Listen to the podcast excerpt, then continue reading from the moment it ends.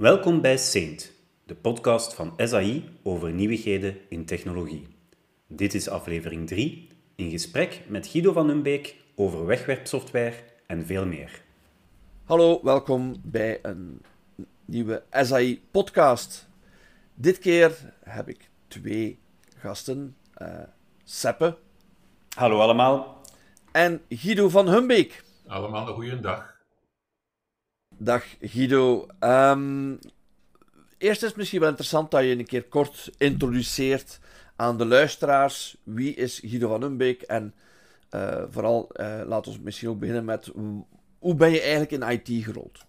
Uh, ja, ik ben geboren in een onderwijzersgezin in 1957 in een dorpje op de rand van Pajottenland in Essenen.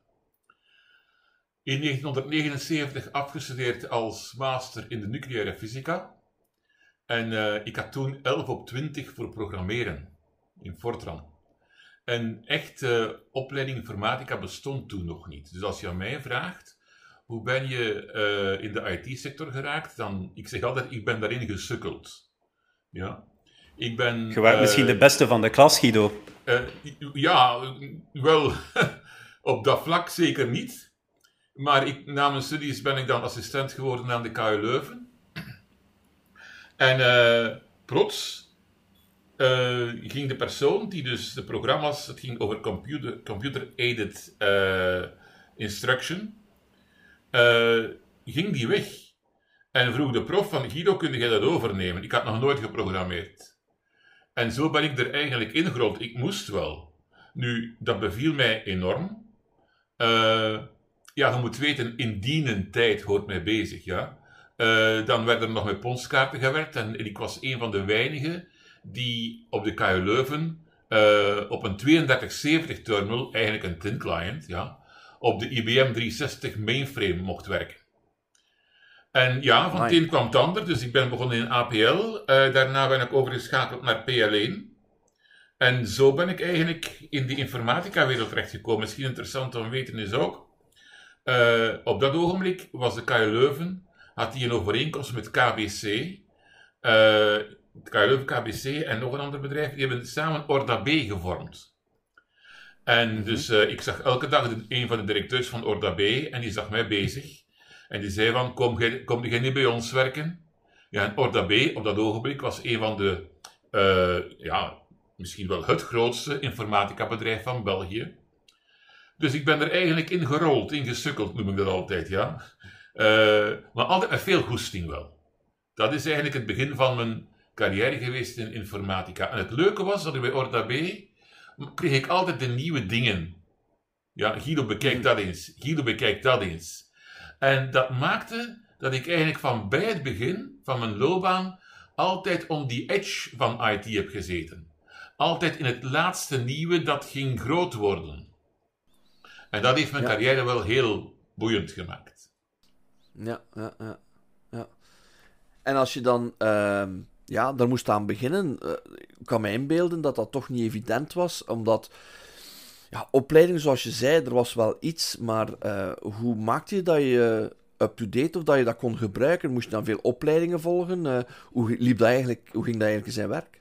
Ja, je gaat ermee lachen, maar eigenlijk ben ik een autodidact. Uh, APL, weinig mensen kennen nog APL. Ja, dat is een, een zeer uh, symbolische taal, uh, gigantisch krachtig. Dat zoop CPU en geheugen, maar goed. ja, met trial en error en, en beetje bij beetje leerde ik die taal kennen en kon ik daar dus dingen mee doen. Heel eigenaardig, maar ik heb dat echt op mezelf geleerd. Ik ben dan wel eens een cursus over MVS gaan volgen. Maar dat was dan zo technisch en zo diep over het operating system, dat was echt niks voor mij. Wat dan wel gebeurd is, is dat ik na twee jaar, en twee jaar is wel, is wel een constante geweest in het begin van mijn loopbaan. Ik zeg dat, ik zeg dat vandaag ook tegen jonge mensen. Uh, in het begin moet je eigenlijk om de twee jaar een volgende stap zetten. Dus na twee jaar bij Orda B uh, hoorde ik over databases. Dat was de toekomst. Er waren geen databases en mannen toen. Ja. Uh, dat waren nog vSAN-files, index-sequentiële files. En daar stond een advertentie in de krant van Culnet die lesgevers zochten om les te geven over IDMS-databases. ja, ik had er nog nooit van gehoord, maar lesgeven, dat vond ik wel leuk. En ik heb dan ben een beetje beginnen lezen. Ik heb gesolliciteerd en ben aangeworven. En dan ben ik... Ze hebben u niet gevraagd over dat onderwerp, kent je daar iets van? En, nee, nog gelukkig niet. Ja, dat, was, dat was geen vereiste. Blijkbaar niet. Maar ja, dat was ook vrij nieuw. Hè. Wie kende IMS? Wie kende IDMS? Ja? Dus dan heb ik dan wel, daar heb ik dan wel met zelfstudie twee maanden mogen studeren, opleidingen volgen. Geleerd wat IDMS is, geleerd wat een 4GL, let op hè mannen, 4GL. Uh, ik vind dat nog altijd heel krachtig. Zeker als je ziet hoe dat je vroeger programma's moet schrijven in Kix, Cobol. En dan plots komen die 4GL's, zoals ADS in der tijd. En daar heb ik dan echt alleen meer de informatica weer leren kennen. Uh, databases opzetten, filestructuren, GCL, voor degenen die nog weten wat dat is. Uh, oh ja. uh, en ja, dan voor GL, dan ben ik ook, heb ik de gelegenheid gekregen om naar VAX VMS ook wat alles te doen. Ik heb de opgang gekend van de relational databases. Ik had de tweede employee van Oracle kunnen zijn in België. Maar goed, ik ben dan hondstrouw geweest en bij uh, gebleven. Ik had misschien beter toen, en dat, dat zie je vaak in een loopbaan, dat je soms beslissingen neemt, dat je zegt van, had ik dat maar gedaan. Maar goed, Mhm. u had, dat brengt niks jaar, op, hè. de, de, de twee jaar waren nog niet voorbij misschien. Jawel, ze waren wel voorbij, want kort daarna eh, ben ik dan toch, ja, da- ja, we zijn dan overgenomen geweest door eh, Computer Associates. Dat was niet leuk. Eh, en daar ben ik dan weggegaan, even een, een, een foutje gemaakt door in een, in, een, in een productiebedrijf te gaan werken. En dan samen met, met, met iemand een, een software distributiebedrijfje gestart.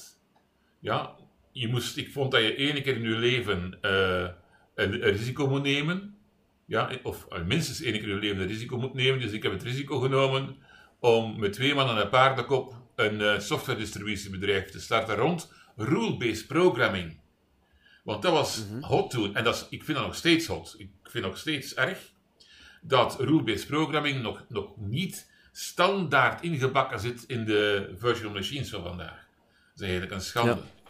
Gigantisch krachtig. En zo ja, ben ik van het een en het andere gerold. Heb ik, ik, ik, in 1990, heren, heb ik object-oriented programming geleerd. Hè? En dat was een, een, een openbaring voor mij. Plots Ja. kon je de realiteit beschrijven. Plots kon je een concept beschrijven en dat gedrag geven. Ja, dat was echt een openbaring voor mij. Eh, ik kon programma's schrijven zonder dat er een database onder ging. Ik kon databases faken. Ja, met OO. Dat was echt, ja, echt een openbaring. En trouwens, die principes gelden vandaag nog altijd. Hè? Ja, absoluut. En zeker in binnen de jaren 90 is dat inderdaad, eh, was dat hype, maar niet, niet iedereen paste dat toe, dat klopt. heeft lang geduurd. Ja. Hè? Goh, als ik eerlijk mag zijn. Zoals eh, Java is begonnen rond de, jaar rond de jaren 2000. En eh, toen was het al moeilijk om, om mensen goed OO te, leren- te leren programmeren. En wat ik hoor, en dat verontrust mij, dat is met, eh, eh, met de komst van de nieuwere eh, programmeertalen, zelfs zoals Python en, en JavaScript en dergelijke, dat men terug aan het afstappen is van het OO-denken. Ja, dat vind ik persoonlijk een grote achteruitgang. Hè? Degenen die het kennen gaan, gaan mij tegenspreken, maar ik denk dat ik voldoende ervaring heb om te zeggen van jongens, we zijn terug naar af. Het heeft zijn voor- en nadelen natuurlijk ook wel. Hè. Ehm, In goede handen, in de goede handen, ja. Ja, voilà. Ja, akkoord. Maar dat is het probleem. Dat is gans het probleem van informatica trouwens, vind ik. Dat er niet veel goede handen zijn. Dat er te weinig goede handen zijn, ja. ja, ja, akkoord. Ja, van 16 is trouwens ook net verschenen, hè? Ik weet niet of dat je het hebt gezien. Nee, toen nee, ik volg het niet zo. Ja, ja, ja. Nu, die taal die is ook wel ontploft, hè. Ehm, vandaag de dag, als je zegt van Java vind ik niet meer zo leuk om te gebruiken, daar kan ik eigenlijk wel in komen. Ja, ook met al die frameworks en dergelijke bedoel je. Oh, verschrikkelijk. Ja, je, je weet niet meer wat hij... Maar dat is, dat, is, dat is nefast voor onze sector, hè. Want men is maar in het wild aan het bouwen. Eh, dat is allemaal wegwerpsoftware, hè. Yep, wild Ja. groeit tot en met. Ja, Ja, want eh, Guido, als je daarop terugbrengt, je, je noemt daar een aantal systemen. Ik kan me inbeelden dat je waarschijnlijk nooit gedacht hebt dat die systemen zo lang zouden meegaan, of dat er zelfs nog systemen zijn die, waar- die waarschijnlijk nog draaien vandaag, dat je nog aan, allee, dat je dacht van die technologie gaat binnen tien jaar vervangen zijn. Oh, dat klopt. Allee, ik ga er twee noemen, hè. COBOL draait nog steeds. Assembler. Gegarandeerd dat je in banken hier en daar nog assembler-routines vindt. Ja. IDMS en IMS. Nog restanten. Absoluut. Ja? Ja. Ik heb er zelf nog mee gewerkt een paar jaar geleden. Ah ja, tuurlijk. En dat ik echt dacht, want die 3270-terminal inclusief, allee, de client ruikt nu wel als een Windows-programma, maar het is hetzelfde. Hè? Het is ook gewoon een tin-client systeem, zoals dat je zei. Ja. En ik had echt het gevoel van, mannetjes, waar ben ik hier terechtgekomen? Zelfs met sequence files en alles, als databank ergens op tape. Dus Ah. eh, ja... ehm, en, en COBOL-code en Fortran-code. Dus eh, wel uitdagend voor... eh, je, je denkt, bon, ik ken toch wat programmeertalen en dan kom je plots daar terecht. Ja, uniek, dat wel. Ja, Ja, en vooral maar de het bestaat nog steeds. hè. Ja, de structuur zit er wel in, hè? die koboltaal. Ehm, je kunt zeggen wat je wilt, ik heb er ook nog in geprogrammeerd. Dat is wel een heel robuuste taal. Hè. Eh, Was niet Ja. hier- ey, mensen konden dat perfect overnemen. Je kon van Ja. team switchen en die mensen konden perfect verder werken in die koboltaal. Zeg, en Fortran wordt vandaag ook nog gebruikt. Hè? Guido, dat weet je ook in, in AI. Veel Python en R-packages, dat daar nog ergens Fortran onder zit Klopt, ook in ja. veel gevallen. Dus ehm, Ja, ja. Klopt. Heb je nog geen uitnodiging gekregen, Guido, eh, om zo terug eh, mee te helpen aan bepaalde eh, systemen? Dat ze zeggen, jij hebt waarschijnlijk er nog in gewerkt, wilt je naar midden? Want dan hoor je dikwijls dat mensen die, de, de oudere generatie, zeggen van, ah, maar die kan waarschijnlijk nog in dat en dat programmeren, die kan misschien nog wel analyseren wat er niet fout is gelopen. Kan Wel- veel geld verdienen. Wel, Ja. e- eens ik in het woonzorgcentrum ga zitten, ga ik me wel kandidaat stellen. Ja, gewoon mee bezig te houden. Hè. Maar ze gaan misschien vragen, kunt jij van thuis werken? Ja, maar dat... ja, maar dat kan ik wel, hè. Nee, maar ja, we lachen ermee, maar let op, hè. Eh, ja, maar het is... eh, ja, maar allee, er zijn... Sorry, hè, maar heel veel, hoe vaak dat ik nu zeg van nihil novi sub soli, hè. Er is niks nieuws onder de zon, hè. Kijk zelfs vandaag naar AI. eh, kijk naar die neurale, eh, ja, neurale netwerken. Ja, dat bestond in de jaren 90 ook. Alleen hadden we toen niet nog de data, nog de computerpower. Ja. Maar Ja. veel van de dingen die wij vandaag gebruiken Het en waar we geweldig vinden, zijn, zijn 20, 30 jaar oud. Hè? Men beseft dat niet.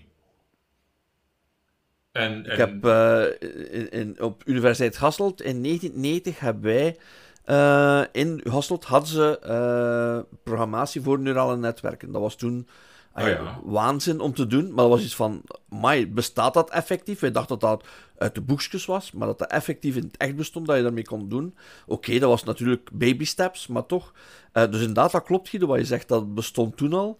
En ja, natuurlijk, nu zijn we hè, ligt Ja. 30 jaar verder en toch, nu pas begint dat zich door te zetten, heb ja, ik de maar dat heeft een reden. Hè? We hebben vandaag en de data en de computerpower. Hè? Dat, hadden Ja. we, dat hadden we vroeger niet. Hè? Dan alles moest binnen de Nee. 512k blijven. Hè? Ja, En, en geen GPU's. Hè? Dus, Ja. nee. Maar het is, het is eigenlijk... Allee, als je, als je mij zou vragen, wat is uw grootste frustratie in IT? Ja, ik ga nu heel streng zijn. Hè? Eh, vaak de mediocriteit of het gemak waarmee mensen knoeien. Ja? Het, het, het. Niet de tijd nemen, en dat is van alle tijden, hè? dat is altijd zo geweest. Hè? Eh, om na te denken over een goede structuur, ja? over onderhoudbaarheid, over... Ja? Eh, dat is wat mij frustreert. Data is altijd stiefmoederlijk behandeld geweest en daar dragen we dus vandaag zware, er zijn zware consequenties aan vandaag. Eh, maar beter dat, man niet. Het, het moet allemaal gemakkelijk zijn. Een developer moet snel kunnen gaan en een developer moet niet kunnen nadenken, zegt men vaak. Maar ja, dat Ja. vind, ik, vind ik fout. Omdat we, Dus we, al die, bouwen geen... al die low-code platformen en al die no-code platformen, dan denk je van, oh, heavens.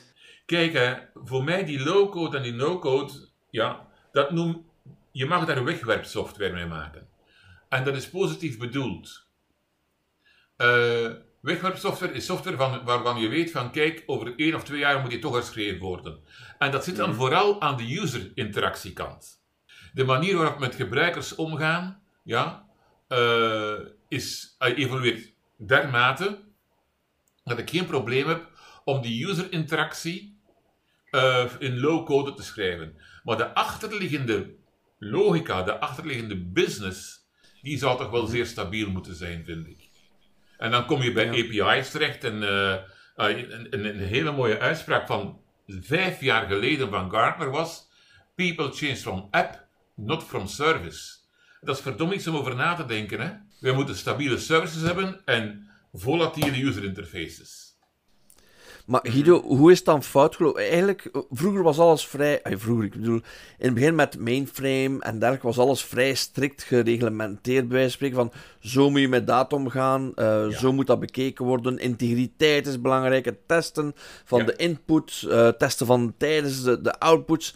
Waar is het fout gelopen? Waar denk je, volgens jou, waar is het dan dat men het gaan beginnen beschouwen als een soort wegwerpdata? Of dat men het minder. Dat men dat, is dat met het verlaten van de mainframe? Is daar beginnen fout lopen? Ik denk effectief. Door het, dat is misschien wel een goede wat je daar geeft, Mark. Uh, het wegvallen van de mainframe maakt dat je dus ging van een zeer centraal uh, beheerde omgeving. Ja? En data. En data als je dan ging naar client-server, ja, dan begon zich dat een beetje te verspreiden. Alleen dus die verantwoordelijkheden verdwenen. En, en, en. Uh, en dat is het spijtige natuurlijk. Met de komst van Unix, ja, de beste manier om nieuwe technologie in te voeren is uh, uh, te onderwijzen aan de universiteit. Met alle respect voor jou, Seppe, maar de toekomstige CIO's zitten aan de universiteit vandaag. Hè? Dus als, ah je, als, je, als je die vandaag iets leert, dan gaan die dat over een no 50 jaar uh, willen implementeren. Hè. Die vinden de rest ook maar al een bucht. Ik denk, ik, ik, denk ook de snelheid waarmee dingen moesten gebouwd worden. Uh, ook als je kijkt wat we vroeger programmeerden als één bepaald proces van het bedrijf. En dan nog een mhm. proces en nog een proces en dan zijn we dan elkaar beginnen breien. Vandaag zitten we uh, in een situatie waar we het bedrijf moeten ja, gaan uh, automatiseren, maar ook de interactie met klanten. Dus de, onze klanten, moet ik het zeggen, uh, focus is gigantisch verbreed. En dan moet het nog een keer mhm. allemaal snel gaan. Ja, en snelheid en kwaliteit gaan niet altijd samen. Hè? Nee. Good, good, fast and cheap, pick any two. Voilà. Ja. En, en dan, we hebben het net ook gezegd, Seppe, uh, ik erger mij als ik aanbiedingen zie van we maken van u een informaticus op drie maand tijd. Dan denk ik van ja, ik voel mij eigenlijk ja. uh, gescandaleerd. Maar dat ziet geen AI nu ook al, hè, Guido? Ja? Uh, summer school, machine learning, twee weken, baf, baf, baf. En je kunt meepraten met de grote jongens. Dat is net hetzelfde, hè? Dat klopt. Dat klopt. En dat, dat, dat is nefast, hè? En dat gaat zich tegen AI keren. Hè? Je gaat dat zien, hè? Dat begint al, ja, ja, ja, ja. Want dan gaan die mensen gaan werken in een bedrijf, ze hangen hoge woorden op en dan na een jaar, twee jaar zegt management, ja, het heeft toch niet opgeleverd. Exact. Mm. En dat is met IT net zo. We, we zijn net Stettler en Waldorf eigenlijk, hè? Ja, ja, een beetje wel. Maar het is wel Maar is het ook, geen, is het ook niet een beetje de uh, management gerelateerd? Van waterfall is outdated, alles moet agile, lean, snelle prototypes worden... Um, heeft het daar ook niet wat mee te maken? Um, want IT'ers nemen hun tijd niet meer, maar het is misschien ook een kwestie dat ze de tijd gewoonweg niet meer krijgen om het te doen. Maar kijk, het is, het is altijd, om het goed te doen. Het is altijd hetzelfde, hè? wat je ook doet, als je dat goed toepast. Pas op, waterfall, effectief, begrijp dat, dat is niet meer van deze tijd. Maar als je een, als je een zware implementatie moet doen van, van, als je een zware implementatie moet doen van een of ander pakket, dat ga je niet agile doen, hè? Dat gaat niet lukken. Hè? Dat gaat niet lukken. Hè? Dus het is, het is altijd een combinatie van waterfall en agile. Maar goed, mhm. als je agile beleidt als een religie, ja, dan ben je fout bezig. Ik ken iemand die stond met een boek te zwaaien over agile van kijk, hier staat alles in en dit gaan we doen.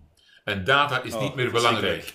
Ja, kijk, dan... De weekly stand-up, hè? Ja, ach man. Nee, nee zolang dat we een religie beginnen beleiden, van het, nee, van het moment dat je een religie begint te beleiden, zit je fout. Er is maar één God en geen andere God zult je aanbidden. Ja. ja.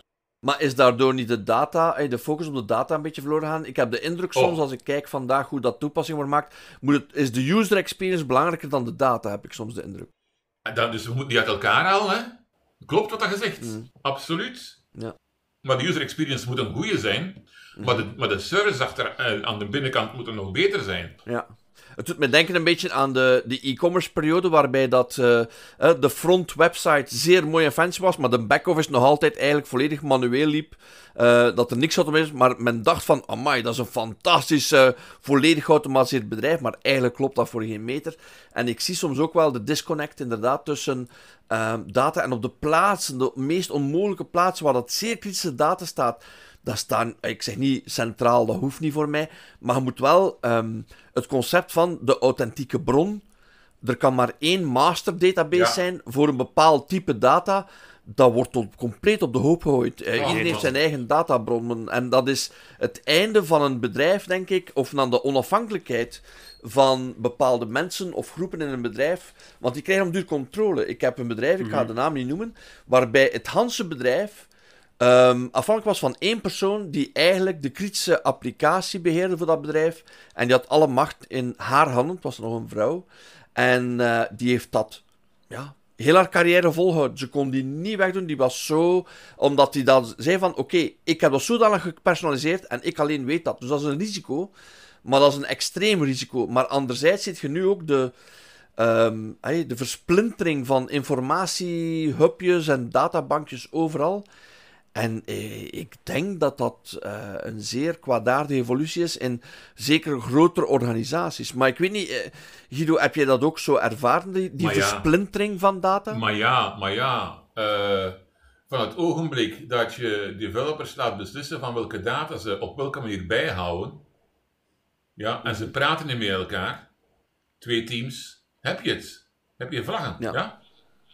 Ja. Ja, en, en, En dan, zegt de eind, en dan zegt de eindgebruiker misschien: Goh, ik werk er niet graag mee, ik ga gewoon zelf een Excel maken en ik begin zelf met mijn eigen komt er ook nog een keer data. bij. Ja, Maar let op, hè. Ik zei daarnet niet heel nooit op Soli, of de geschiedenis herhaalt zich. Ik zie vandaag identiek hetzelfde gebeuren in de markt, met al dat gedoe van kluizen, hè. Een kluis hier, een kluis daar, een kluis hier. Wat stik ik in welke kluis? Ik heb een kluis bij de bank, ik heb de kluis bij de notaris, ik heb een kluis hier. Ja, eh, binnenkort, eh, Vlaanderen is bezig met kluizen. Op den duur heb ik als burger zoveel kluizen dat ik niet meer weet wat in welke kluis zit, hè. ja. En dat, dat is Ja. eigenlijk het, hetzelfde patroon, hè? We gaan terug voor het, naar hetzelfde patroon. Het is al een hele opgave om tussen, wat is het allemaal, Dockler en e-box Ja. en, en wat is het allemaal, uw weg te vinden en It's Me en 50 verschillende authenticatie-apps. Het is, het is verschrikkelijk gewoon. Dus, allee, dat is hetzelfde patroon, hè? Iedereen vindt dat die data bij hem horen en dat hij de owner is van die data.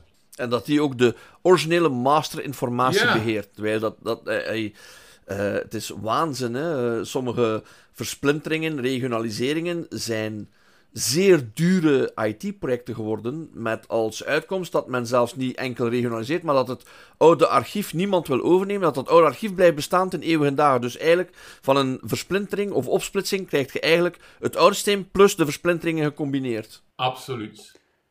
Ook omdat men vaak de investering niet wil doen om Nee. het een keer te goed te zetten. Maar ook, en nee, ik heb dat nu ook onder gezien, het goed zetten kost ook handenvol geld. Hè? Ja, het is dat, Ah, want ja. wij praten hier als drie IT'ers, Ja. maar iemand uit de business zal zeggen, oké, die persoon belooft mij quick value, 100 nieuwe klanten per maand met dit leuke systeem. En jij zit weer te zagen over die data die niet goed zit, maar wat gaat het mij opbrengen? En die tegenwind, dat is hetgene dat ons altijd parten heeft gespeeld. Ja. Elke keer dat wij ergens zeggen, ja maar jongens, de kwaliteit, de kwaliteit als een risico. Ja, maar ja, zo belangrijk is het toch niet? Totdat het dan echt valikant fout loopt ergens. En dan natuurlijk, ja, dan was het, ja, we hadden erin moeten investeren. Of iets zoals de GDPR komt eraan en dan is het plots alle hens aan dek. Waar zit al die data die wij hier hebben? Maar Ja. het is altijd te laat, hè. Ja. Want, want op dat vlak, Guido, vraag ik me af, eh, kwaliteit van data, we hebben ook gesproken over integriteit, maar ben je dat veel tegenkomen? Wanneer was dat voor jou de eerste belevenis van, oei, dat is wel een belangrijk thema? Dat is bij mij beginnen meer dan kriebelen, pijn doen zou ik zeggen. Van het moment dat de developers geen SQL meer moesten kennen. Ah Van, ja. van het moment dat dus die eh Hibernate-achtige eh, patronen Oh begonnen ontstaan. Want plots moesten we niet meer nadenken. Ja, maar het is zo. Maar man, in mijn tijd, hè. Ik, ik, heb, daar, ik heb prachtige tijden meegemaakt uh, in de jaren 80. Toen waren de DBA's. Ja, de DBA die vandaag ergens die je moet gaan zoeken in de catacomben van een bedrijf. Hè? In de kelder. maar die mannen, dat waren toen dat waren de kings van het bedrijf. Hè? Ja. En wij organiseerden daar dus internationale conferenties mee, met uh, een fonteinen vol champagne. Hè? maar ik lach niet, in, in het casino van Montreux, absoluut. Ik zie het nog altijd voor me. Ja, nee, maar, inderdaad, eh, dat, dat, DBA's waren toen de master of the universe. Ja. Zonder hun kon je de data niet unlocken, kon je geen change doen, kon je niks toevoegen. Zij waren master, dat klopt. En, en er werd niks gestockeerd. Strategische informatie werd niet gestockeerd zonder dat via de, de DBA of DBA-team of DBO, hoe je het ook wil noemen, ja, passeerde. Je mhm. moest ook op voorhand zeggen van dit, dit is het datamodel dat we gaan gebruiken. Ik weet wel dat het niet meer van deze tijd is, maar de waarheid ligt ergens in het midden. Maar vandaag is zo een developer denkt van, ah, ik heb dat nodig, ah, we gaan er een kolommen van maken. Kijk, ik heb, ik ga niet zeggen waar, maar ik heb dus, ik ken een bedrijf waar ze op een bepaald moment uh, het maximum van 256 kolommen van één tabel hebben overschreden. En hebben ze nog een tabel naast gezet. Man, man, man, man, man. Of dat, dat je dezelfde data vindt onder een andere naam. Dus verschillende semantiek voor de verschillende namen voor dezelfde betekenis. Nog erger, ik, heb, ik ken uh, structuren, ik heb structuren gezien, waarbij afhankelijk van de waarde in de ene kolom, betekende de andere kolom semantisch iets anders. Ja, en, en dan, dan kreeg je zo van die performance-problemen, want dan had iemand in de plaats van een eenvoudige select te doen, had hij, las die ganse tabel binnen in, een, in zijn memory en begon je daar zijn selecties op te doen. Zeker als je Hibernate gebruikt hebt, de prijzen dan. Man, man, man. Breek me een bek niet open. zeg, maar Guido, we hebben al die data in de organisatie. Waarom kunnen wij niks doen met big data of zo? Uh, ja, maar dat is, ja, dat is de grote, de grote belofte. Maar data, ja, ja. Is, je moet niet van de data vertrekken, vind ik. Je moet vertrekken van de uitdaging. Ja, met big data kan je heel veel doen kan je prachtige dingen doen. Echt waar. Maar zeggen van, we hebben die data, wat kunnen we daarmee doen? Ik zou het anders doen.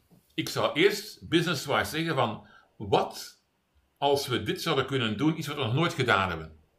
Mhm. Ja? Mhm. Maar wat wel zinvol zou zijn, dat we zouden hebben. Ja, bij VDAB, mijn laatste jaar van mijn loopbaan, wat als we matching zouden kunnen doen uh, met AI? Ja, dan gaat het wel van, vanuit AI. Uh, of wat als we mensen zouden kunnen zeggen van kijk, dit zijn de beroepen die je zou kunnen uitoefenen. Wat als we dat zouden kunnen doen? Mm Dat kan je programmatorisch niet regelen. Dat kan niet. Ja? Dat is te complex. Dus met andere woorden, zoek geen use cases, maar zoek een uitdaging. En als je zegt van, mm dat is een goed idee, dan komt de vraag van, ah, maar Hoe doen we dat? welke data hebben we in huis die daar zou kunnen bijdragen? En dan ga je verschieten hoeveel data dat je hebt en waar die zit. En misschien ook van welke data zouden we nog graag hebben, dan moeten we elders gaan halen. En dan kom je tot, naar mijn gevoel dan, naar mijn ervaring, tot, de juiste, tot het juiste gebruik van big data.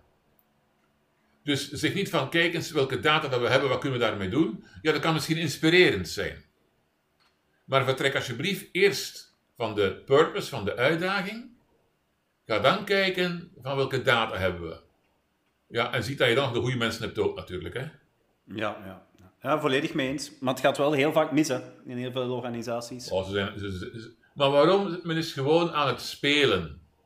Ja, ja, dat is waar. En, uh, en, en budgetten proberen te krijgen hè, en, en zo. Dus, Ach man. Maar, maar heeft het ook niet te maken, Guido, met het feit dat um, ehm, IT uh, was vroeger ook wel een stuk oppermachtig in de automatisering. Hè? Dat als er geautomatiseerde data of proces moet zijn, was dat het IT-departement of DP, uh, Data Processing Department.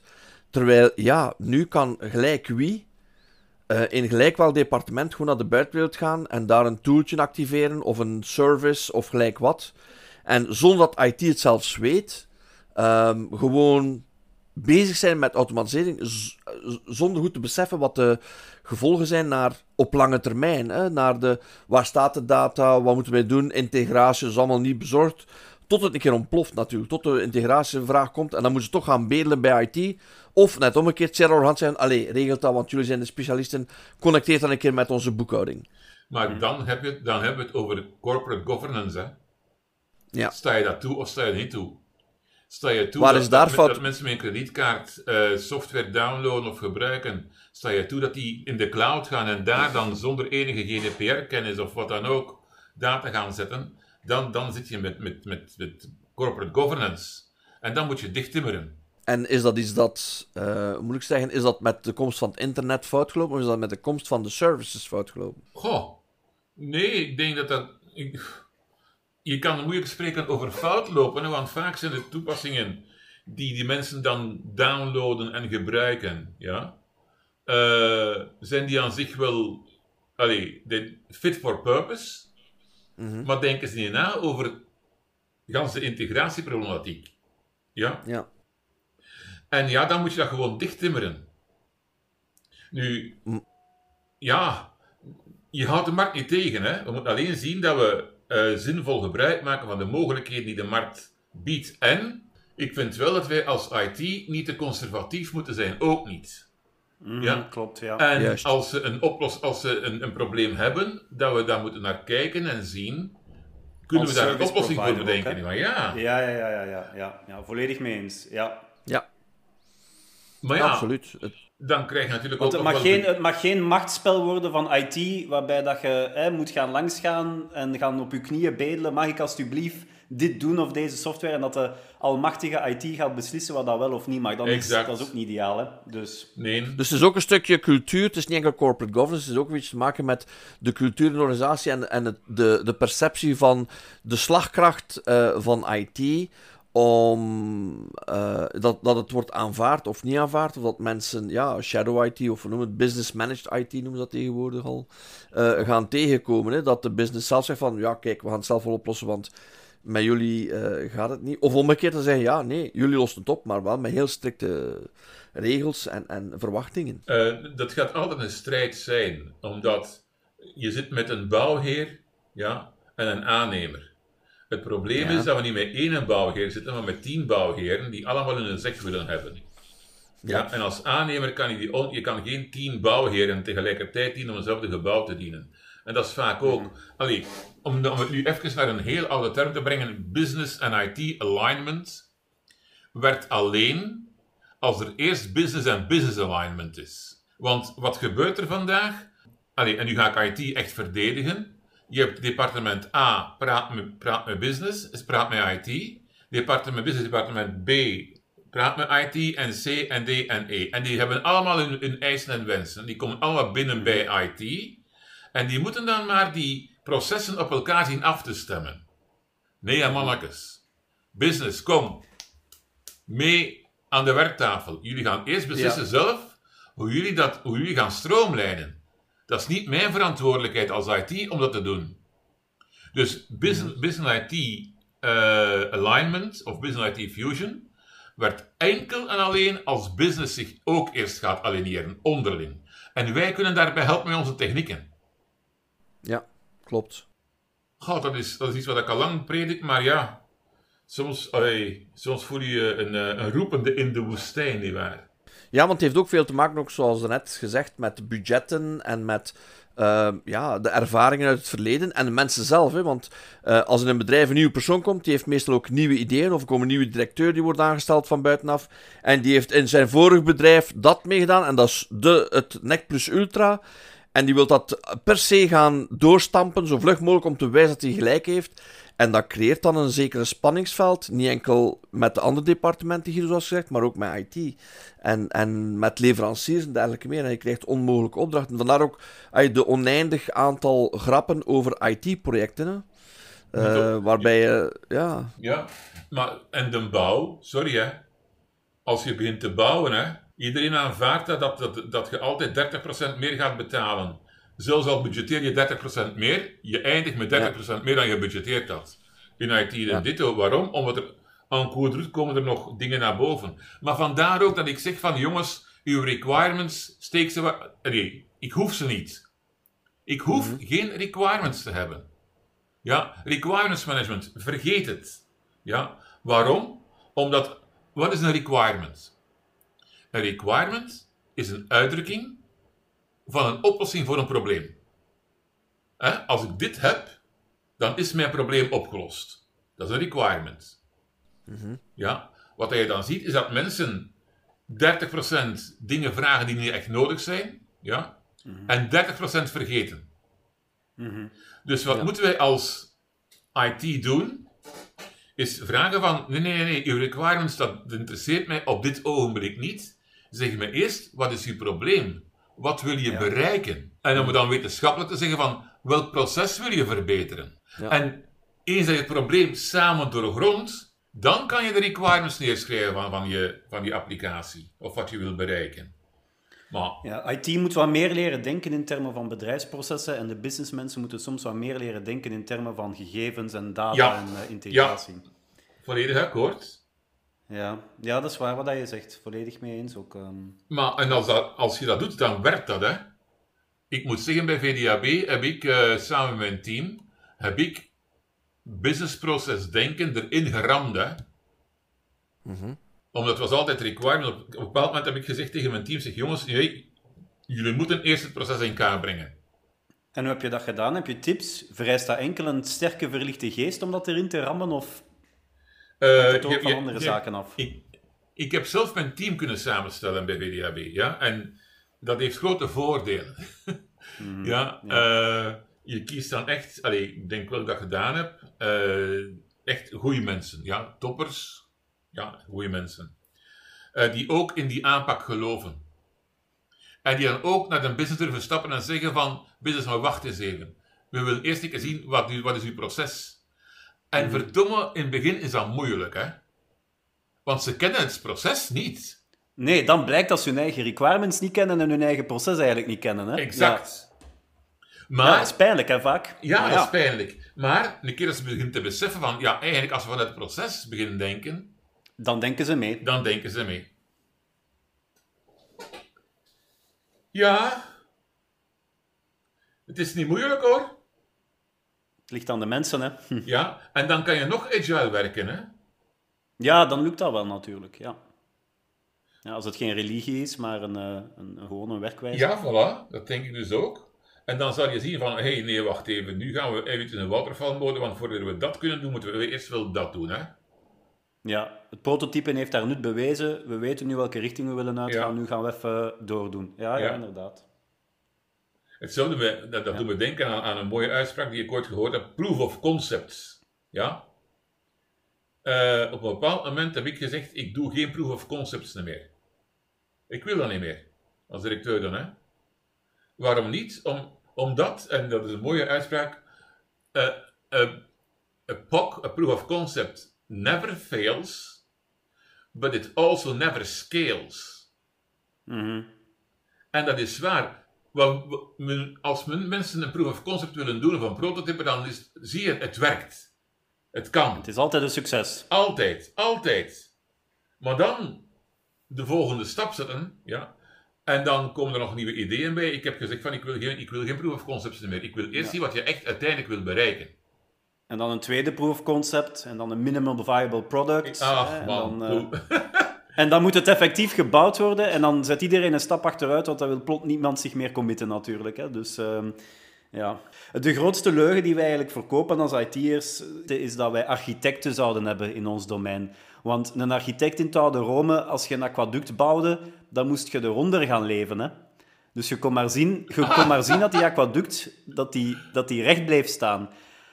En als IT'er, ja, je, moet, er- je, moet, je bent vaak niet eens afhankelijk van je eigen systeem, want je kunt achteraf altijd zeggen, god, dit was onvoorzien, of dat, dat, of dat was niet één van uw requirements. Hè? Oh, het feit dat we naar duizend gebruikers moesten gaan, je hebt dat niet als requirement opgelijst, dus dat is al zo'n een drogreden dan. Maar het Ja. tweede is dat wij geen architecten zijn. Wij starten nooit van fundamenten en bouwen iets goed op. Wij zijn eigenlijk tuiniers in een jungle. En heel af en toe snijden we iets af, maar meestal planten wij dingen bij bovenop elkaar en hebben een totale wildgroei. Ik vind het een hele Dus mooie... je- Ja. Dus Dus Guido, hoe kijk jij naar architecten eigenlijk? Dat is de, de IT-architect of de... de De visioman. de- ja. Ja. Hoe zie jij dat? Ja. Hoe heb jij dat ervaren? Eh, architecten zijn gigantisch belangrijk. Ja? Dat zijn mensen die nadenken van hoe gaan we het doen om stabiliteit te krijgen. Ja? Op voorhand nadenken. Architectuur is nadenken voordat je iets doet. Is formeel de zaken vastleggen. En daar komt dan uw visio naar boven. Ja? Formeel betekent dat je gaat Als modelleren. modelleertaal Dat snappen, juist hè, want dat is, is wel belangrijk. Ja. Voilà, absoluut. Ja. Eh, ja, maar nee. Want ik, ja, ik heb er veel andere gezien ook. Ja, nee, al- als, als je niet kan modelleren. En let op, er is een verschil tussen iemand die data modelleert en iemand die infrastructuur ja, ja, modelleert. Hè? absoluut. Dat, zijn, dat zijn twee verschillende Ja. jobs. Hè? Maar, eh, en ook, ook softwarearchitectuur is ook anders. Maar ik ben van oordeel dat een architect die moet een tekening kunnen maken. Want die tekening is formeel. En iedereen die naar die tekening kijkt, die ziet hetzelfde. En als je teksten schrijft, dan ziet iedereen iets anders. En geen discussie, want het is een formele, beschrijvende taal. Dus, eh, maar dat vereist ook weer het, ju- het En? juiste type van mensen die dat beseffen dat dat juist de toegevoegde waarde is van architectuur en dat het niet gewoon tekenen is in Paint. Hè? Eh, dat is zo. Nu, sommige architecten, ik moet er eerlijk in zijn, zetten zich in een ivoren toren. Ja, ja. Hè? Dus als je zegt, een, een architect moet onder zijn viaduct gaan wonen, ik vind dat een, schitter, dat een schitterende beeld. Ja? Een architect die zegt van, we gaan het zo bouwen en men, men volgt hem en het systeem stort in, is hij verantwoordelijk. Hè? Ja, ja, ik, dat, ik vind dat ook. Architectuur is ook verantwoordelijkheid. Hè? En het is niet zomaar regeltjes eh, Opdwingen aan anderen. declareren. Hè? Ja. Maar als je dan kijkt naar de standaarden, lijkt een TOGAF of zo, dan, ja, dan merk je toch wel dat dat een beetje blijven hangen is in, in een bepaalde manier van denken die anno 2021 misschien toch wat allee, eh, on- factoren ontbreekt, heb ik de indruk. Als ik praat met mensen die dat volgen, zeggen ze ja, het is dat nog de, de standaard, maar het is de enige die we hebben, want als je kijkt naar enterprise architectuur, het enige wat tegenkomt is TOGAF. That's it. Maar ja, hoe oud is TOGAF? Te oud. En, en hoor je, ik, hoor- ik hoor terug religie. Ja. Ja, inderdaad. Ja. TOAF-religie met certificaties en een hele opleidingswereld daar dat werkt en... niet. Nee. Nee. En ik denk, als je kijkt naar een aantal eh, manieren van werken, dat je, goh, moet er dan één manier van architectuurbedrijven zijn? Weet je, ik ben ervan afgestapt. Als ik mensen heb die mij kunnen helpen om op een formele manier te dingen te documenteren, ervoor te zorgen dat er goede regels zijn volgens de welke we gaan bouwen of verbouwen, ja, dat we dingen kunnen opzetten, dan denk ik aan infrastructuurarchitectuur, data-architectuur, eh eh business-architectuur, idem dito, business-architectuur, idem dito. Ja, al, van het moment dat ze formeel bezig zijn, ben ik al blij. Ja. En dan mag het visio zijn, dan moet het geen Spark zijn. Ik ben voor Sparksachtige toestanden, daar niet van, hè. Maar In, eerst en vooral... consistentie eerst Ja. en vooral. Maar ja, allee, als je een huis bouwt, ja, dan eh, maar worden toch ook plannen gemaakt. En tegen business zeg ik, zeg ik altijd van, ja kijk, als je een huis laat bouwen, dan aanvaard jij dat je een plan, een basisplan kunt lezen. Ah ja, natuurlijk. Ah, wel, ik, ik verwacht van business dat ze bijvoorbeeld een businessproces kunnen lezen. Ik zal ze dat wel leren. Geen een BPMN 2.0 met al die toestanden, hè. nee, nee, nee, nee. Maar Guido, daar haal je een heel, heel goed punt aan. Als je kijkt naar de bouwsector en de, de mensen die designs maken, dingen, die plannen zijn beschikbaar voor elke architect ter wereld, Ja. bij wijze van spreken. Ja, Hoe kan het in godsnaam mogelijk zijn dat er misschien briljante IT-architectuurplannen bestaan, maar die niet gedeeld worden? Als ik kijk, inderdaad, daar gaat de vergelijking niet op met de bouwsector. Hè. In de bouwsector, als jij het plan ziet van, de, van het Louvre of van het MAS, die kunt jij raadplegen in de gemeente, je kunt die gaan opvragen en je kunt exact zien hoe een architect dat gemaakt heeft en zegt van, briljant, schitterend. Is dat ook niet een gemis dat, dat we ons niet kunnen inspireren op briljante IT-architectuurschema's? Ik vind dat een schitterende opmerking, Mark. Eh, en eh, we zouden dat moeten doen. Maar in IT zitten, zitten we met het not invented here syndroom. Ja. Ja. Ik kan dat ook. Of ik kan dat beter. Ik heb wel vaak gehoord, hè. Een Ja, prachtige ja, oplossing ja. komt van nee, nee, nee, wij kunnen dat ook programmeren of wij kunnen dat beter. En of, wij, of wij doen dat ook. We hebben Of Guido. dat ook. Ach man. Of Guido, ons bedrijf is Oh. uniek. We, hebben geen inspiratie in andere bedrijven. De boekhouding... Nee, nee, onze boekhouding is uniek. Ja. Onze data is uniek. Ach, man. ja. En dan Ah. stop... Nee, dat is een ergernis dat ik denk van... Tja, oké, architectuur is een belangrijke component. Ik, ben, ik deel volledig jouw mening. Dat is de fundamenten, hè, de vertaalslag. En ik denk ook, ook eh, in het kader van architectuur, het is de vertaalslag tussen wat de bouwheer wenst en wat er technisch moet gebeuren, dat dat ook solide is. Zoals gezegd, Seppe, je moet er onder kunnen bouwen. Die, die aquaduct mag niet aan elkaar storten. Dus dat moet ook sound zijn. Daar kijkt naar een architect die dat berekent. Die zegt van, kijk, als dat is, is dat in orde. Maar in IT, ja, eh, ofwel heb je te veel. Ik heb projecten weten mislukken omdat er drie, vier architecten op zaten. Ja, dat, doet, dat is ook een, een, een disaster, hè, dat, want die praten elkaar tegen. Maar als je geen hebt, of je hebt iemand die zegt van... Ik moet dat leren en cours de route, want ik heb geen schema's, ik heb geen Dat geen blauwdrukken architect. Sorry. waar ik mij kan op inspireren.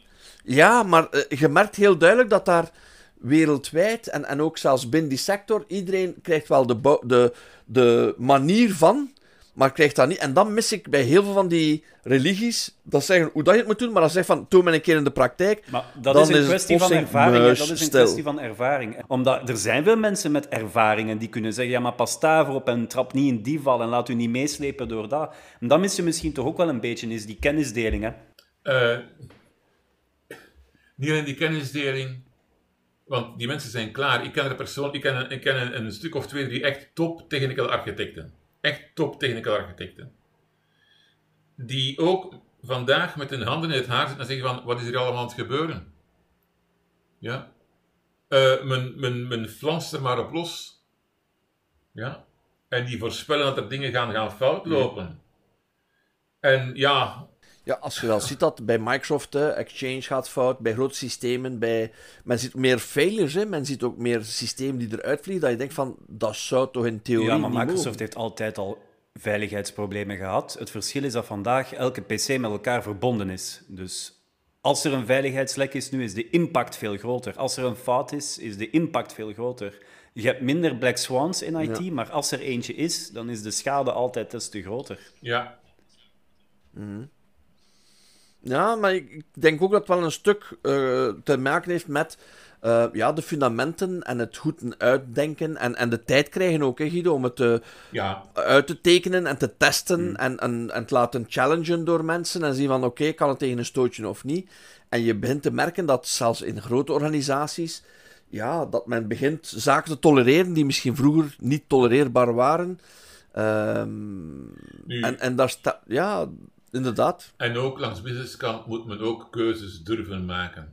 Ik heb het meegemaakt dat men eh, zei van dit is heel belangrijk, oké, dat wordt op de lange baan geschoven. En na zes maanden zei men zelf van ja, eigenlijk nee, we hebben het niet echt nodig. Wat eerst super dringend was, iets dat vandaag super dringend is en over zes maanden niet meer nodig is, dat klopt niet. Nee. Dat betekent ook dat het niet echt een strategie is en wat willen we bereiken, dat men zeer ad hoc Ja. bezig is. Ja. Ja. En ik ben voor event-driven architectuur, nee, maar dit is erover. En dan, en, en dan kunnen we ja, zeggen ja, van ja. jongens, we stoppen het. Dat vereist een zeker moed, maar dat is hetgeen dat je dan soms Ja. moet durven doen hè, op die momenten. Het is vaak goedkoper om te stoppen dan van voor Voilà. te doen. Hè? En sunk cost is sunk cost, dus eh, veel often en veel Ja. early. Hè? Ja, dat, dat is zo. En failure is vaak een option, alleen afhankelijk van de complexiteit en afhankelijk van, Mhm. Van, van het project. Allee, je moet, failure moet je vermijden, hè? failure kost geld. Hè? Maar eh, soms kan je zeggen van we gaan dit proberen en zien hoe ver dat we Ja. geraken, maar dan moet je wel durven stoppen ook als het niet lukt. Oh. Het is wel veel complexer geworden dan in mijn jonge tijd, hè mannen? Eh, omdat je, goh, de impact van wat je doet is vaak ook zichtbaarder. Vroeger had je dan enkel maar het departement, allee, eh, de boekhouding die een probleem had, maar de rest liep. Ja. En niemand zag dat. Maar het wordt vandaag wel vaak vrij snel overal zichtbaar. En zeker, en dat is ook denk ik een van de grote uitdagingen ook voor INT, dat is dat eh, zolang dat we onze, onze interne processen gaan automatiseren en de buitenwereld ziet het niet, dan kun je wel iets permitteren. Maar eens dat de buitenwereld begint te zien dat je aan het knoeien bent, dan Ja. heb je een probleem. Een nog groter probleem, laat ons zo zeggen. En heb je dan nog de tijd om het te recupereren of terug te herstellen, is dan de hamvraag natuurlijk. Ja. Van, is, kan je nog teruggaan naar een plaats waar je zegt van, en nu kunnen we terug het eh, solide in orde krijgen? Of blijf het aanmodderen, coterieën aanzetten en tijdelijk oplossingen bouwen om te doen alsof het opgelost is, maar eigenlijk is het fundament niet opgelost. Klopt. Ja. En dat zit zowel op data als op toepassingen, als op connectoren, als op derde partij. Want daar raak je ook iets aan, dat inderdaad wel intrigerend is. De wereld is inderdaad complex geworden, ook als je kijkt hoeveel systemen beroep doen op andere systemen Absoluut. en op andere services en dergelijke. Ja, vroeger was een systeem vrij monolithisch, zat in een bedrijf, Ja. was bijna afgeschermd. Nu, alles is verbonden, maar zelfs als je ziet in een bedrijf dat je op het eerste zicht relatief zelfstandigheid, als je kijkt naar het aantal partners, derde partijen, Exact. die betrokken zijn, ehm, hoe, hoe, hoe heb je dat ervaren in, in, in, ja, in, in jouw ervaringen ehm, bij een VDAB of bij anderen? De afhankelijkheden van derde partijen, waar je soms zegt van, eh, oké, dat wist ik niet. Ga, laat ons zo zeggen, bij VDAB hadden we niet echt in onze processen afhankelijkheden van andere systemen, tenzij natuurlijk eh, de uitwisseling van data. Hè. Dus er wordt heel veel eh, via Magda en zo, eh, en, en, en, en andere, en de kruisbinddatabank. Ja, is natuurlijk wel belangrijk dat, dat die wel goed marcheren. En dan zijn er soms hicks, ja, dat je dan verkeerde data doorkrijgt en die gaan er systemen in. Ja, dat, dat heeft soms wel wat tot, tot, tot uitdagingen geleid. Maar ik kan me inbeelden. Allee, ik, ik geloof daar dus wel in, hè, dat we onderdeel moeten worden van een keten. Maar dan moet je jezelf ook gedragen als een schakel van de keten en je niet in het midden van, van, van de keten zetten. Dat is ook nog zoiets. En op dit ogenblik, grote bedrijven staan nog altijd vrij centraal. En zeker overheidsbedrijven. Ik moet zeggen, VDAB vond ik niet, bepaald, vond ik niet het, het stereotype overheidsbedrijf. Nee, zo hè. te horen niet. Ik vond dat eerlijk een, een, een, een zeer, een zeer dynamisch bedrijf. Ja, ja. Met, met zijn uitdagingen uiteraard. Zoals Ja, maar eh, ja, ja, allee, dat was. eh, ik moet zeggen, ik heb daar. Ja, eigenlijk heb ik daar heb ik een schitterende fijne carrière gehad daar en ik ben er daar dankbaar voor. Maar het heeft ook te maken met leiderschap, met mensen die de kansen zien, die ook... eh, als je kijkt naar een Frank van Massenhoven bij Sociale Zekerheid, als je kijkt bij VDAB met... eh, dat toen... Wie was het toen die daar de leider was? Ja. Ja, Fons Leroy. Zijn toch mensen die ook een bepaalde visie poneren en die ook kunnen uitdragen naar hun personeel. Is dat ook niet een differentiator in jouw opinie? Misschien geen IT-mensen, maar wel mensen die het Hmm. doorhebben. Ik denk dat dat heel belangrijk is wat dat jij zegt. Ja? Eh, iemand die zegt van jongens, daar gaan we naartoe. Ja? Een van de uitdagingen is natuurlijk wel dat niet iedereen dat begint te interpreteren op zijn manier. Ja, dus dat is dan de volgende stap die je moet nemen. Van oké, daar gaan we naartoe, prima. En iedereen die dan, als we dan iedereen de vrijheid geeft om, ah oké, we gaan daar naartoe, dan ga ik dat doen, ga ik dat doen. Ja, dan, dan krijg je als het ware een koets waar je paarden eh, voor, allee, aanzet die in verschillende richtingen beginnen trekken. Ja. Ja. Ja, ja. Eh, en dat is dan ook wel de uitdaging. En dan een van de, maar dat is misschien eh, goed om, om ooit een keer bij af te sluiten. Nou, ik- dat ik nu weer afsluit en verder van. Maar eh, vandaag, iedereen is bezig over transformatie, digitale transformatie. Ja, digitale transformatie is hot, hè? Nu, digitale transformatie is eerst, zijn twee woorden, digitaal en transformatie. En dat vergeet men, ja? Eh, maar transformatie zal enkel maar lukken als je ook bereid bent om te reorganiseren. Transformatie vereist reorganisatie. En dat is een moeilijk. Transformeren wil zeggen verandering, hè? Ja, Ja. En verandering, je hebt zo typisch de cartoon, hè. Wie wil er verandering? Iedereen. Wie, wie wil er veranderd worden? Dan zie je al de koppen naar beneden gaan. En dan zie je de laatste, wie gaat de verandering leiden? En is er niemand nog in de klopt. zaal. Ja? Ja. Dus eh, dat is zo de typische cartoon change management. Ja. Verandering is super hard. Zeker naar degene die het moet trekken, want Ja. die is de pineut. Eh, en, en die moeten alles, ja, die krijgen alles, eh, de positieve, maar ook de negatieve kanten. Maar de mensen die, ze willen verandering, maar niet voor zichzelf, bij een ander. Want die zijn verkeerd bezig, ik niet. En dat, en dat is terug mijn punt, Guido, naar jou toe van leiderschap. Ehm, in jouw ervaring, ehm, hoe belangrijk is het dat mensen die van nature geen IT-background hebben of geen IT-achtergrond of, of uh, finesses mee hebben, maar toch de juiste, moet ik zeggen, sturing kunnen geven dat uh, iedereen, inclusief uh, het informatica-departement, maar ook digitalisering, dat dat plaatsneemt en, en afstap van de geplogen paden. Hoe, hoe Kijk. belangrijk is die communicatie? Hoe overtuig je zo mensen? Wel, ja, je moet die niet overtuigen. Ofwel doen ze het, ofwel doen ze het niet. En Voilà, eerlijk ja. gezegd, eh, mijn, iemand waar ik echt naar opkijk, ja, ik, ik bekijk natuurlijk van buitenuit, is het Johan Thijs van KBC. Hè? Ik heb er ooit een podcast van gehoord, eh, de visie die die, die man heeft over het nieuwe bankieren en wat ze allemaal doen. Kijk, KBC is de eerste die in de rij staat om de eh, open data te gaan gebruiken van de, eh, van de, de digitale meters, digitale elektriciteitsmeters. Klopt. Een van de acht, ja.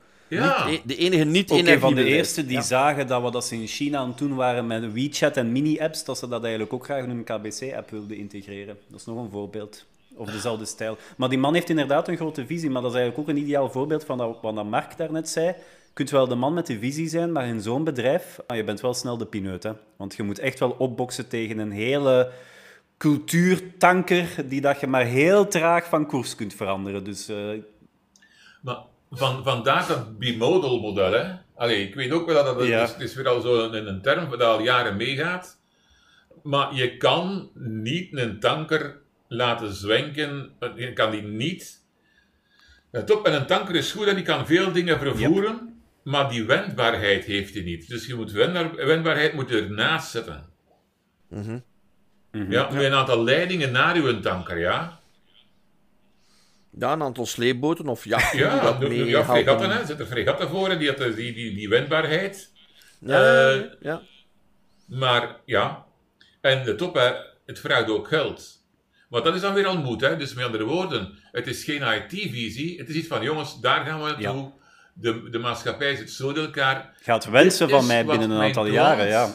Ja. Ja, gaan ze wensen. Johan Thijs zegt, wat mijn doelstelling is, zegt hem, is de klant te ontzorgen.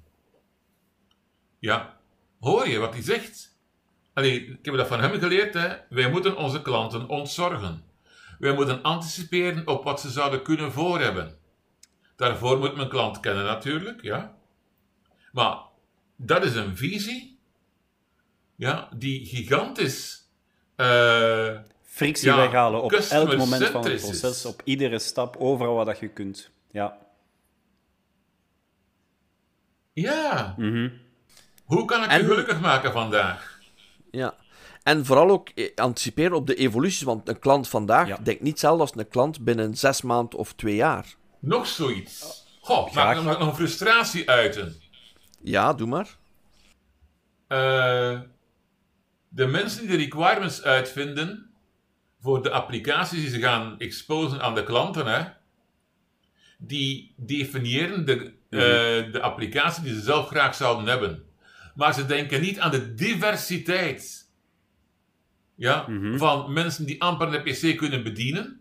Ja, tot, een, een, allee, tot mijn kleindochter Ja. van 12, 13 die een overschrijving zou kunnen doen zelf. Ik overdrijf niet even, ja. Dus die diversiteit. eh, men denkt nog altijd in termen van websites. passé, maar jongens, eh, websites, dat is dépassé.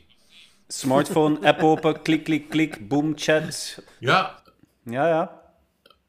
maar ja. En voor een klant is het ook altijd... Vaak is het antwoord van de klant ook... ehm, je hoeft hier geen extra app of website voor te bouwen. Ontzorg mij in plaats van mij extra zorgen te geven. En dat zie je ook heel vaak bij die overheidsapps die we daar net al aanhaalden. Ah, wilt u op de hoogte blijven van dit of van dat? Installeer deze app. En Al ik heb zoiets, je hebt al vijf ja. apps gegeven. Stop ermee. Dus eh, dat is het hem, hè. Weten wanneer te stoppen.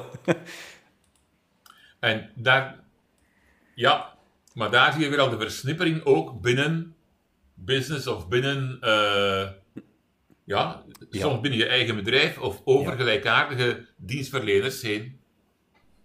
Ja, maar is daar ook niet, Guido, dat, um, want je hebt in de Vlaamse overheid gewerkt, dat, dat Digitaal Vlaanderen-project, dat wordt uh, getrokken door Barbara van den Auto, er staat een interview in onze update, maar Ja. is dat ook niet een poging, een eerste poging om dat een beetje te gaan harmoniseren, een beetje samen te brengen? Is dat niet een eerste poging om dat een beetje te gaan samen Zeker, zeker. En dat, maar dat gaat tijd vragen.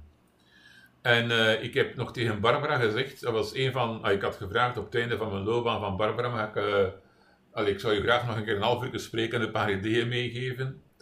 Eh, ik denk dat het heel belangrijk is om overheden, ja, die in een bepaald proces met elkaar te laten samenwerken. Met een minimum aan impact op hun eigen systeem, want als je dat niet gaat doen, dan ben ik, dan ben ik 40 jaar verder. Ja? Vergeet het. Ja? Ik, ga, ik kan mijn data niet zomaar aanpassen. Maar wat ik wel kan doen, en dat is dan de laag die we erboven moeten leggen, ervoor zorgen dat als Guido een bepaald, eh, een, bepaalde, een bepaald stuk data doorgeeft, dat dat uniek gedefinieerd is in die wereld daar. Ja? En dat men dat ook weet. Eh, maar goed, dat, dat, vraagt, dat vraagt weer al architectuur, hè, jongens. Maar is dat ook dan niet, Guido? En ik wil het misschien wel, is misschien een raar vergelijking, maar ehm, is dat niet het concept van de kruispuntbank? Van de sociale zekerheid, waarbij Klopt. we zeggen van iedereen bouwt zijn eigenheid en Ja. doet zijn eigen ding op gelijk welk systeem, maar om met elkaar te praten gaan we niet point-to-point werken, maar gaan we een centraal punt installeren zonder een centraal databank. Was dat niet het concept dat Frank Robben in Ja. de jaren 80 heeft geponeerd, ook op de KU Leuven in een doctoraatsthesis? Dat klopt, en dat, is, dat, was, dat was visionair en toont vandaag zijn waarde. En ik denk Ja. dat dat patroon is gezien. We, ik zeg niet dat we alles terug moeten gaan herbouwen. En dat, dat, dat, misschien dat die architectuur, maar dat, dat concept, absoluut. Mhm. Ja. Absoluut. En, En dat, dat je kan- ook nog kan toezien van wie mag wat wanneer gebruiken onder welke voorwaarden. Ja. En zou je dat, want dat, dat is nu een systeem, maar inderdaad, replicatie, en toch komen we terug op het architectuurverhaal. Het repliceren van zo'n visionair verhaal zou je in bepaalde sectoren kunnen repliceren. Hè? In de bouwsector of in de Ja. eh, retailsector of in de transportsector. Maar dat gebeurt weinig of niet. Hè? Elk blijft in zijn eigen eh, proprietair denken en eigen systemen. Ondanks het feit dat we wereld. Eigenlijk is het een beetje een soort, die, eh, een, een soort contradictie in terminus. Hè? We zijn begonnen met iedereen, maar iedereen behoudt zijn eigenheid. Waardoor dat er geen. eh, dat er problemen zijn in het uitwisselen van data. zonder impact naar de organisaties aan zich. Dus zo'n soort ja, kruisbestuivingssysteem. Wat uiteraard vergt de overeenkomsten. Hè, maar ja, het is misschien iets dat we te weinig en weer al te bescheiden zijn waarschijnlijk om dat te exporteren naar andere industrieën en andere landen en andere... Ik weet het niet. Ik, ehm, ik, eh, ik zie er wel waarde in, zoals je zegt, dat niet elk bedrijf wil zich aanpassen aan een ander. Dat klopt. Je moet ook niet alles in één systeem gieten, want dan word je eh, kwetsbaar. Maar uitwisseling maken en op basis van eh, goede data, goede, op een eenvoudige manier, licht, light, zonder een centraal systeem, is misschien wel iets dat, ja, waar we fier op moeten zijn en misschien wat meer moeten uitdragen. Ik Ja. weet het niet. Maar dat, is al dat klopt. Maar één ding denk ik altijd van de fout die men dan maakt, is dat men eerst een canonical data model wil maken van alles, voordat men eraan begint. Ja, en Ja, dan weet je ja. ook, dat, dat, dat, eh, dat, dat is een failure van bij het begin. Maar Ja. Begin met wat je hebt. En maak daar dan een soort van model van, ja? Ja. En, en map dat op die concepten. Maar ja, ja, Het, ja, het is niet l'histoire repijt, maar het, is, ja, het wordt ehm, uitdagingen die, die toegevoegd worden en waar, zoals je zegt, hey, baart me een beetje angst in als, als echte technische experts zeggen van oei, eh, wat is hier aan de hand, ik zie het niet meer zitten. Dat is toch een, eh, dat noopt toch een zekere zelfreflectie en een beetje het nadenken, maar ook veel coördinatie. En ik vraag me soms wel dat het probleem niet een technisch probleem is, maar eerder een eh, ja, samenwerkingsverhaal probleem of een eh, elkaar eh, willen helpen probleem. Hè. Ik heb de indruk dat da- daar ook een beetje... Een, het zijn niet de hard skills, die, maar ik heb soms dat meer en meer de soft skills, hè, het veranderingstraject, dat is een soft skill in mijn ogen. absoluut. Ik wou net zeggen, het- Mark. Het ligt aan de daar niet de... Het ja. ligt, aan, het ligt aan de soft skills, enerzijds. Ook aan de snelheid waarmee technologie evolueert en mensen denken dat ze kunnen volgen, maar ze kunnen niet meer volgen. Wat ook een soft skill is, kan het nog volgen. Ja? Juist. Nee, het, ligt, het, ligt, het zit hem bij de soft skills. En soms Ja. denk ik dat, dat mensen, allee, ik vind dat een mooie uitdrukking, iemand zei ooit, waar een wil is, ben ik weg.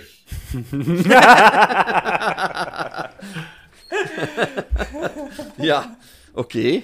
Duidelijk. En dat heb ik al vaak gezien. Ja, ja. ja, Maar is dan ook niet jammer dat in onze opleidingen dat dat te weinig wordt benadrukt? Dat de, in de opleiding, als je uh, nu vandaag zou instappen in een bepaald mastertraject, dan krijg je toch een hele batterij hard skills te verwerken en, en soft skills. het is toch geen 50-50, hè? En dat is altijd wel een beetje geweest, omdat hard skills zijn veel makkelijker te doseren in de tijdspannen van een jaar bijvoorbeeld, dan soft, skills, dan soft skills. Dat is juist. Want hoe begint je daaraan? Maar anderzijds, en als je kijkt naar hoeveel trainingen... Guido, in je carrière heb je echt trainingen, laat zeggen, trainingen van meer dan vijf, vier weken. Hoeveel heb je zo mogen verteren in je carrière? Oh, ik? Weinig, weinig. Voilà. Uh, ja. Uh, dat is vier weken, hè, Seppe? Vier weken, hè? Niet zes maanden, hè? Vier weken, hè? Nu, ik, ik, ik, ben, ik, ben, ik ben begonnen bij IBM. Ik kreeg tien weken opleiding. Ik verschoot mijn Ja, maar dat doen wij nu voor een postgraduaat publiek bijvoorbeeld. Voor mensen die al een beetje in het uh, bedrijfsleven hebben gestaan. En die dan hebben gevoeld van oei, ik mis hier iets. Maar voor studenten die nog nooit die voeling hebben gehad met de bedrijfsvloer, is dat vrij moeilijk. Maar maar Guido, is het dan ook niet belangrijk dat je dan een combinatie hebt van uh, terugvallen op een aantal mentors die je kunnen begeleiden? Zeggen van, doe dat een keer, of doe dat, doe die master, of doe die postgraduaat, of doe dat posttraject. Ja. En dat, dat geluk heb ik gehad, om een aantal goede mentoren te hebben in mijn, in mijn loopbaan. Mensen die uh, in mij zagen van dat kan Guido goed, we gaan hem daarop inzetten, die, mij, die mijn fouten, allee, fouten of, of hoe dat ik het ook wil noemen, corrigeerden. Er was uh, één, herinner ik me nog heel goed, uit twee eigenlijk. Uh, ik moest presentaties geven, pre-sales presentaties. Op voorhand kwam hij zeggen van Guido, wat ga je zeggen en hoe ga je dat zeggen? Ja, en wat ga je mhm. vertellen aan die klant? Ja. En oké, ik bereidde me voor en ik werd gecorrigeerd. En na elke presentatie kwam die bij mij en die zei van Guido, dat heb je goed mhm. gedaan, daar ben je de fout gegaan. Schitterend. Een andere die vertelde me, een topverkoper vertelde mij, ik was jong hè, die vroeg van Guido, uh, wat is het meest belangrijke? Jij die software verkoopt, ja? Of software, als je pre-sales doet. Dat je je product graag ziet of dat je de klant graag ziet. Ja, en natuurlijk, ik als jonge gast, ah, je moet je product graag zien, want anders kun je het niet aan de man brengen. Nee, zegt hij moet je klant graag zien. En dat is me altijd bijgebleven. Hè? Vertrek mhm. altijd vanuit de klant. Probeer de klant te begrijpen, wie je klant ook is. Ja? Mhm. En je, je, je technologische hoogstandjes, ja. zet, ze, zet ze weg. Ja. ja. je kan ze misschien achteraf gebruiken. En ja, dat geluk heb ik gehad. En ik moet zeggen, uh, ja, ik ben er nu 63. Ik denk wel dat ik de voorbije 10, 15 jaar dat heb kunnen mee doorgeven aan jonge mensen. Ik heb ook mee aan de wieg gestaan van een aantal start-ups. Niet zelf, maar gewoon die mensen gecoacht. En als je dan ziet dat succesvol is, dat is wel leuk. Ja, en het is, mhm. het is altijd, je ja. moet mensen hebben die goed kunnen coachen. En dan moet je natuurlijk als luisteraar ook de juiste interpretatie hebben. Want jij hebt ook tussen de regels gelezen. Hè? Je moet wel een zeker ah. vernuft hebben om te beseffen, ik krijg hier feedback en ik weet eigenlijk wat je wilt zeggen, ik weet wat je bedoelt. En daar leer ik uit. En dat is, moet langs twee kanten komen. Hè?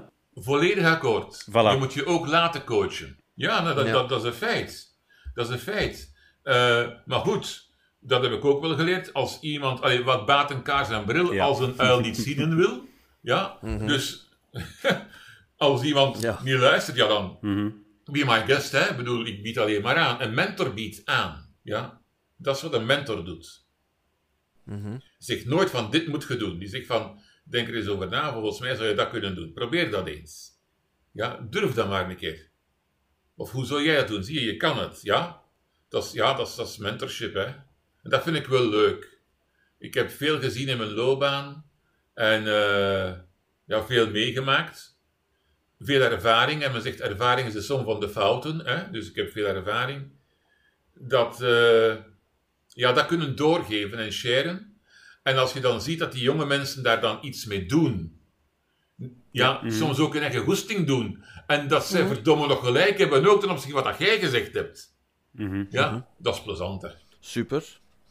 Uh, wel, um, top Guido. Um, super, super mooi verhaal. Uh, dank in ieder geval voor de input. Dank Seppe ook voor uh, het mee brainstormen en mee denken en mee uit, ervaringen uitwisselen. dat is super gedaan. Graag gedaan. Ik was, het was heel leuk om erbij te zijn. heel fijn om te luisteren ook. Ja, ja, ja. Um, voilà. Dus um, hiermee um, ronden we deel 1 af. Want Guido, je hebt zoveel ervaring. Gaan we zeker nog een keer op uh, verder bomen op andere thema's. Maar het was in ieder geval al zeer leerrijk. Ik hoop dat de luisteraars dat ook zullen appreciëren. en dus bij deze, tot een volgende keer. Met plezier.